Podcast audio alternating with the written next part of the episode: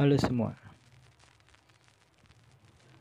Nama gue Dedi Gue adalah salah satu mahasiswa di perguruan tinggi negeri Di salah satu pulau yang indah di Indonesia. Umur gue sekarang 23 tahun. Gue dua bersaudara. Gue punya kakak, kak gue cewek dan Kali ini gue bakal nyeritain cerita horor yang pernah gue alami. Cerita ini gue akan mulai dari gue lulus SMA 2015. Saat itu gue lulus dari SMA dan gue langsung daftar kuliah di beberapa perguruan tinggi negeri di Indonesia. Gue ikut jalur SBMPTN, seleksi bersama perguruan tinggi negeri, dan yaps, hasilnya gue keterima, tapi bukan pilihan satu atau dua, tapi di pilihan yang ketiga gue. Sedih sih, tapi gue bangga karena gue keterima di salah satu pilihan gue walaupun itu pilihan ketiga. Sebulan kemudian kampus pun memulai masa ospeknya. Dan orang tua gue nyuruh gue untuk nyari tempat tinggal yang dekat kampus karena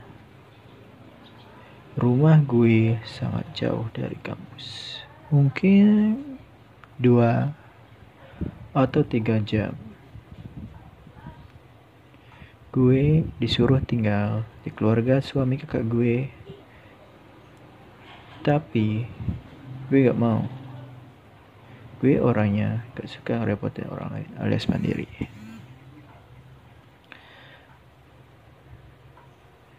Jadi, gue memutuskan untuk ngekos.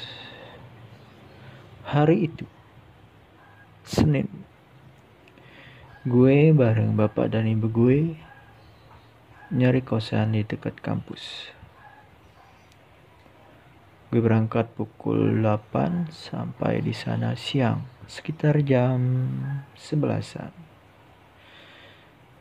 Huh, hari itu panas sekali. Udah muter-muter nyari kosan, tapi tak ada menemukan satupun yang gue rasa nyaman. Hari pun mulai sore, dan kita memutuskan untuk pulang. Mungkin dua atau tiga hari ke, ke depan gue bakal nyari lagi. Bareng suami kakak gue karena suami kakak gue dulunya juga kuliah di sini di kampus gue sekarang. Ya tiga hari kemudian gue pun berangkat bareng kakak gue dan suaminya. Gue muter-muter di sekitar kampus dari siang hingga sore. Pukul 3 sore, gue menemukan kosan yang nyaman, adem, gak bising, tapi jauh, lumayan jauh dari pemukiman masuk di gang. Dan gue ngerasa nyaman di sana gue lumayan bimbang. Kosan nyaman. Gue suka.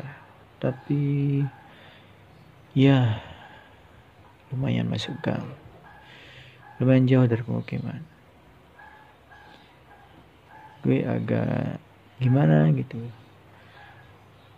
Dan gue gue nyeritain kosan gue dulu ya kosan gue bentuknya L. Ada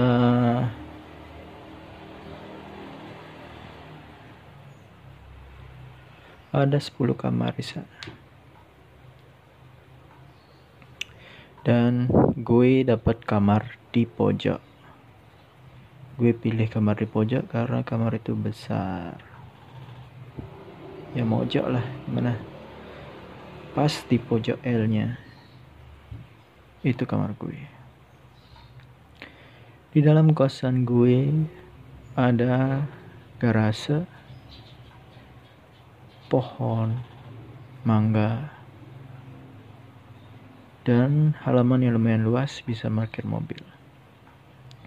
Dan di seliling kosan gue itu banyak pohon-pohon lumayan lebat. Gue nggak tahu itu pohon apa. Yang pasti itu lebat banget dan gak keurus.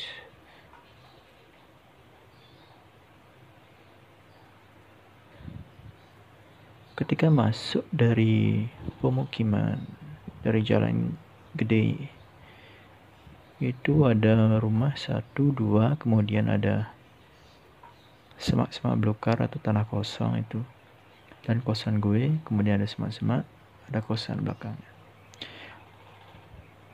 Dan itu lumayan serem sih tempatnya. Ya gue merasa nyaman dan gue pilih di sana. Hari pertama gue nginap di sana gue merasa nyaman. Sampai seminggu sampai selesai ospek gue nggak ada tanda-tanda apa-apa sih. Alias aman-aman aja.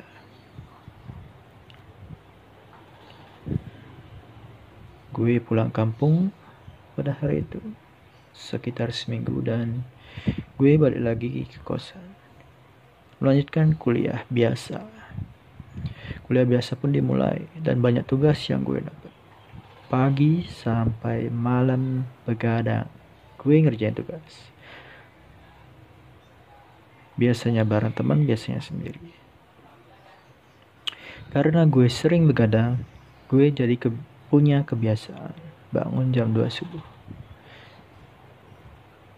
Dan ketika gue bangun gue biasa buka laptop lanjut ngerjain tugas.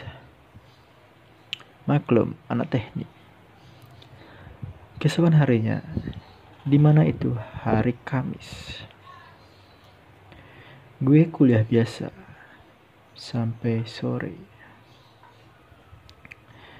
Dari pagi sampai sore maksudnya. Habis kuliah,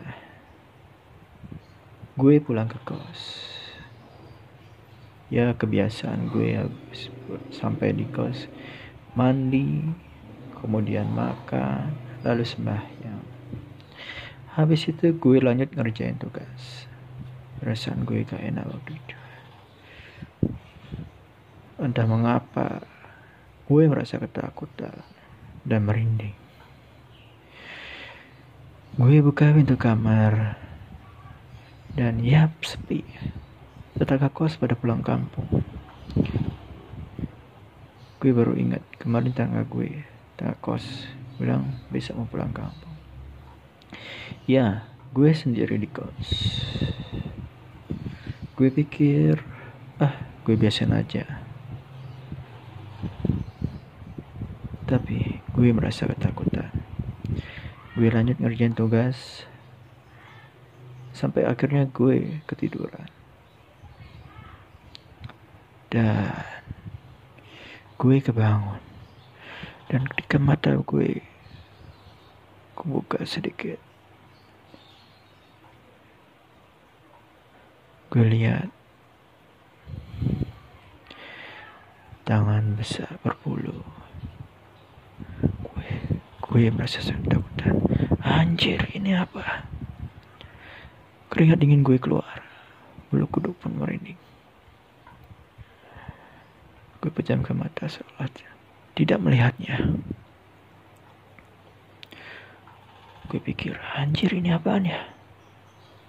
Tangannya besar berbulu sambil gue meramkan memejamkan mata gue gue semakin penasaran. Gue ingin melihatnya. Dan gue kembali. Buka mata gue. Dan ya hilang. Gue nggak tahu itu apa. Tapi ya yang pasti itu besar. Berbulu. Warnanya coklat.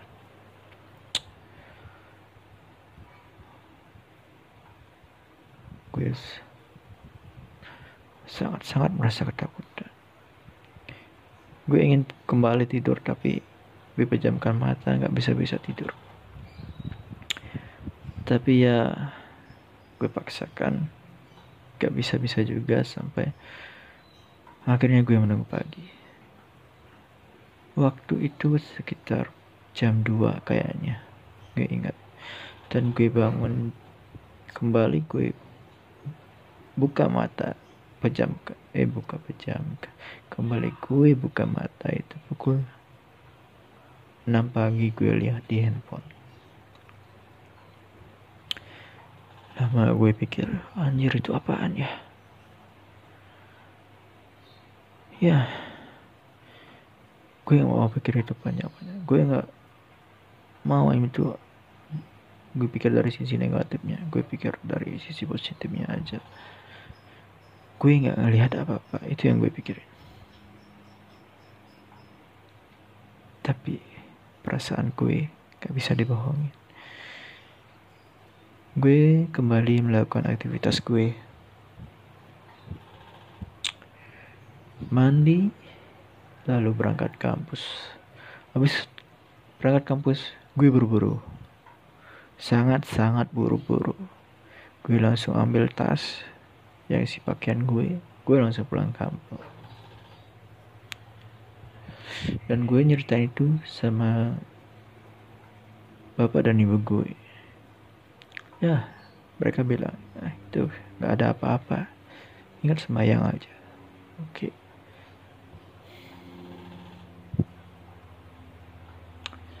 Gue merasa nggak nyaman berada di sana pikiran gue kacau. Tugas banyak.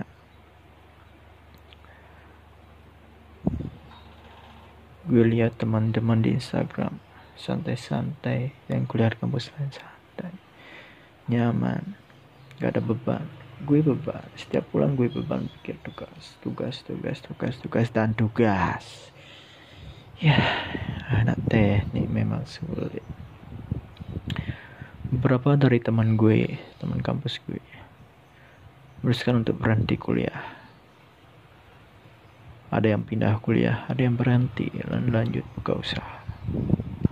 Gue sempat pikiran tapi ya gue lanjutin aja. Beberapa kemu minggu kemudian gue lihat dari parkiran motor gue. Rumput semua tumbuh. Musim itu musim hujan. Bapak kos nggak begitu merhatiin kosnya. Sampai-sampai banyak ulat. Ulat berbulu. Tapi anehnya, ulat itu nggak buat gatal. Banyak sekali melintas di depan kamar.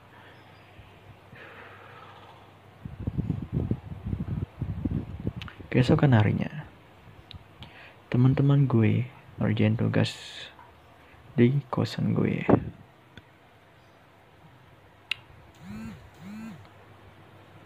Sekitar ada enam orang ngerjain tugas di kos gue. Dari jam 7 sampai jam 11 lanjutkan oleh teman gue. Maksudnya lanjutkan dilanjutkan.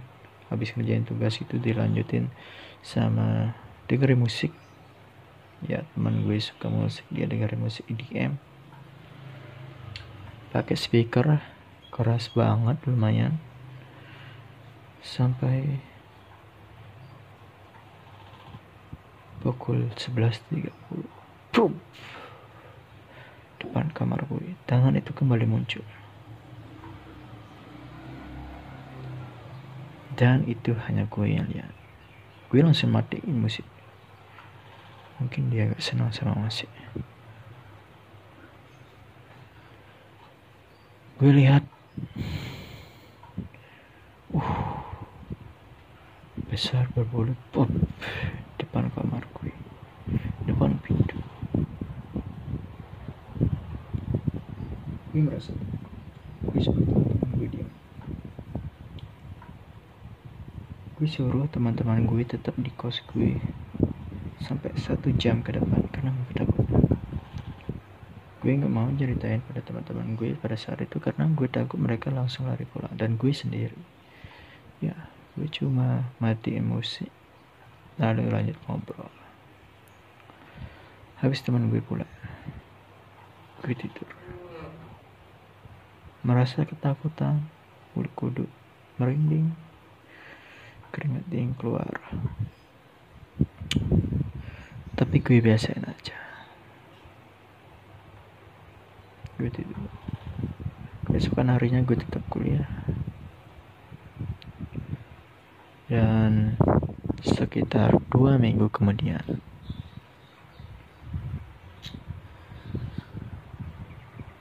Dari kampung gue buru-buru.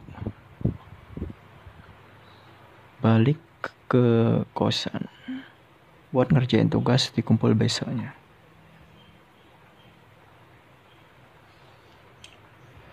Hari itu gue balik jam 5 kalau nggak salah dari rumah. Dan gue sampai di sana jam 7 di kosan. Gue mandi ganti baju pergi ke rumah teman. Di rumah teman gue ngerjain tugas sampai akhirnya jam 10 malam gue balik. Hari itu hari minggu gue balik kosan. Sampai di kosan uh, bulu kuduk gue sudah merinding di jalan. Belum sampai di kosan baru masuk gerbang terkunci. Gue buka gerbangnya. Lampu semua mati. Gue masukin motor ke garasi gue hidupin lampu garasi gak mau nyala. Gue menuju pojokan kamar. Itu kan ada L L itu kan ada garis panjang dan garis pendek. Di pojokan garis pendeknya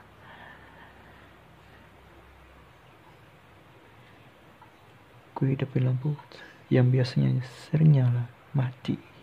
Gak mau hidup. Gue sudah merinding sekali. Gue balik. Gue melihatnya. Dia ada di utara di depan kamar tetangga kos gue warnanya putih. Gak putih sih abu-abu itu seperti bayangan. Gue mau lari gak bisa. Gue jalan. Bulu kudu gue merinding. Kalau keringat dingin. Mata pun mulai rabun-rabun. Sampai gue di motor gue langsung gas motor gue balik ke kosan teman. Gue gue nyeritain di sana.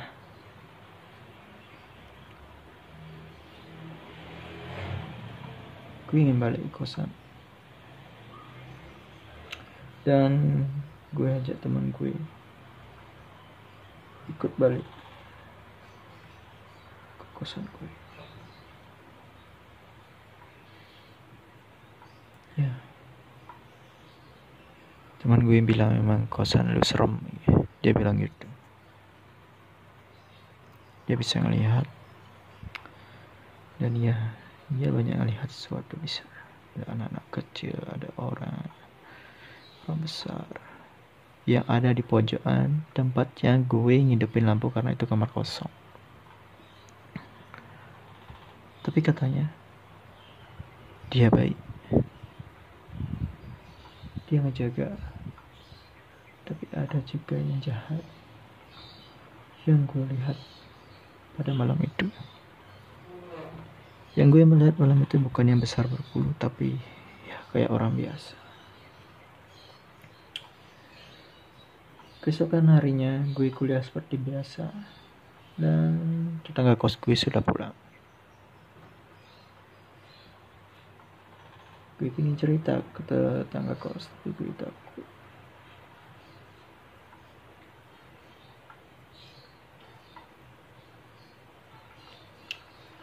gue nggak betah berada di sana. Gue konflik dengan batin gue. Dan akhir semester gue memutuskan pindah di sana.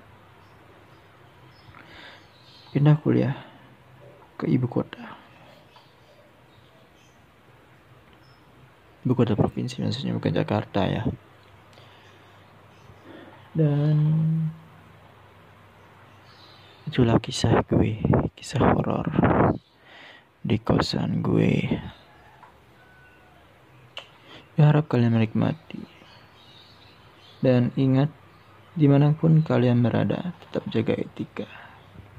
Karena kita